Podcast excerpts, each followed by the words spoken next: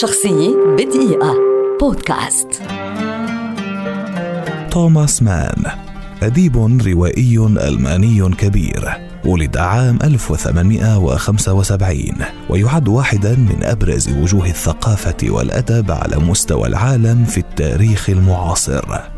كره توماس مان المدرسة ولم يحصل على شهادة ثانوية. وأثناء دراسته كان يستمد متعته من المسرح الصغير الذي أقامه أخوه الكبير في البيت. وأقبل على قراءة حكايات هانز كريستيان أندرسون وأساطير هوميروس. وفي تلك الفترة بدأ ينضب الشعر العاطفي وبدأ يقلد جوتي وشيلر وهايني. وعند بلوغه التاسع عشر من عمره انتقل إلى ميونخ حيث توجه للدراسة في الجامعة التقنية. وحصل على عمل بإحدى شركات التأمين ومارس الصحافة في مجلة أسبوعية كان يصدرها أخوه. وبعد ذلك بعامين سافر مع أخيه إلى إيطاليا حيث مكث لعامين. وهناك بدأ كتابة روايته الأولى بعنوان آل بودنبروكس. سار هذا الكاتب الشهير الذي أطلق عليه أبناؤه اسم الساحر على خطى أبو الأدب الألماني جوتي.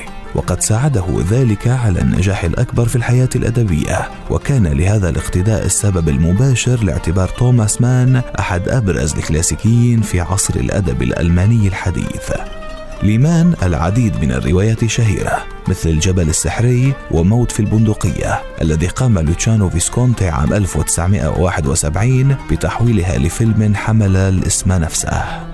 في الثاني عشر من كانون الأول ديسمبر عام 1929 تلقى توم أسمان خبرا سارا من ولديه عن طريق رسالة تلغراف تفيد بأن والدهما حاز على جائزة نوبل للآداب لكنه تعامل مع الأمر بهدوء تام وأجاب بطريقة متكبرة كنت أنتظر ذلك. وقد قدم تلك الجائزة إلى شعبه بعبارة سأقدم هذه الجائزة العالمية التي تحمل بالصدفة اسمي لشعبي ولبلدي.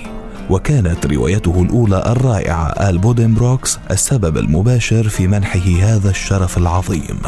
بعد وصول النازية إلى الحكم في ألمانيا غادر توماس مان البلاد وسحبت منه الجنسية الألمانية عام 1936 وفي عام 1955 رحل توماس مان في سويسرا عن عمر ناهز 80 عاما. شخصية بدقيقة.